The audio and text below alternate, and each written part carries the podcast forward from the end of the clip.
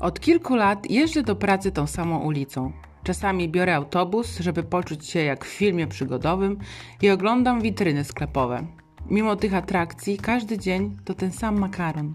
Makaron z parówką i sosem pomidorowym. Wiem, co będę robić rano, po południu i wieczorem. Rano kawka z pączkiem, po południu bułka z szynką i serem, na obiad rosół z niedzieli, a wieczorem domowe kino i winko. Dużo winka. Czasami zaszalejemy z koleżanką w tygodniu i pójdziemy na krewetki do chińskiej knajpy, żeby poczuć się wyjątkowo. Jesteśmy wtedy paniami swojego życia i w czasie tych naszych wypadów budujemy biznesy, szastamy kasą i jeździmy ciągle do spa, do Karpacza.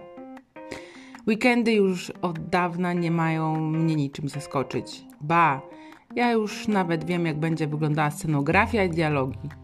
Ja już nie mogę czytać z, prom z promptera, bo każdą scenę znam na pamięć.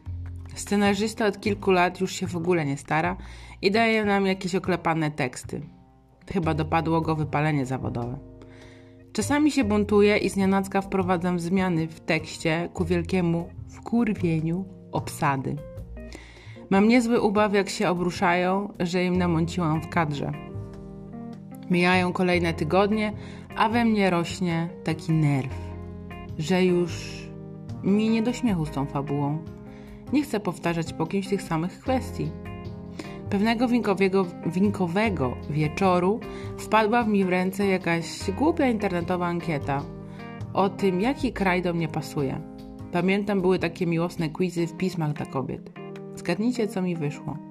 Gdzie powinnam mieszkać według tej głupiej ankiety?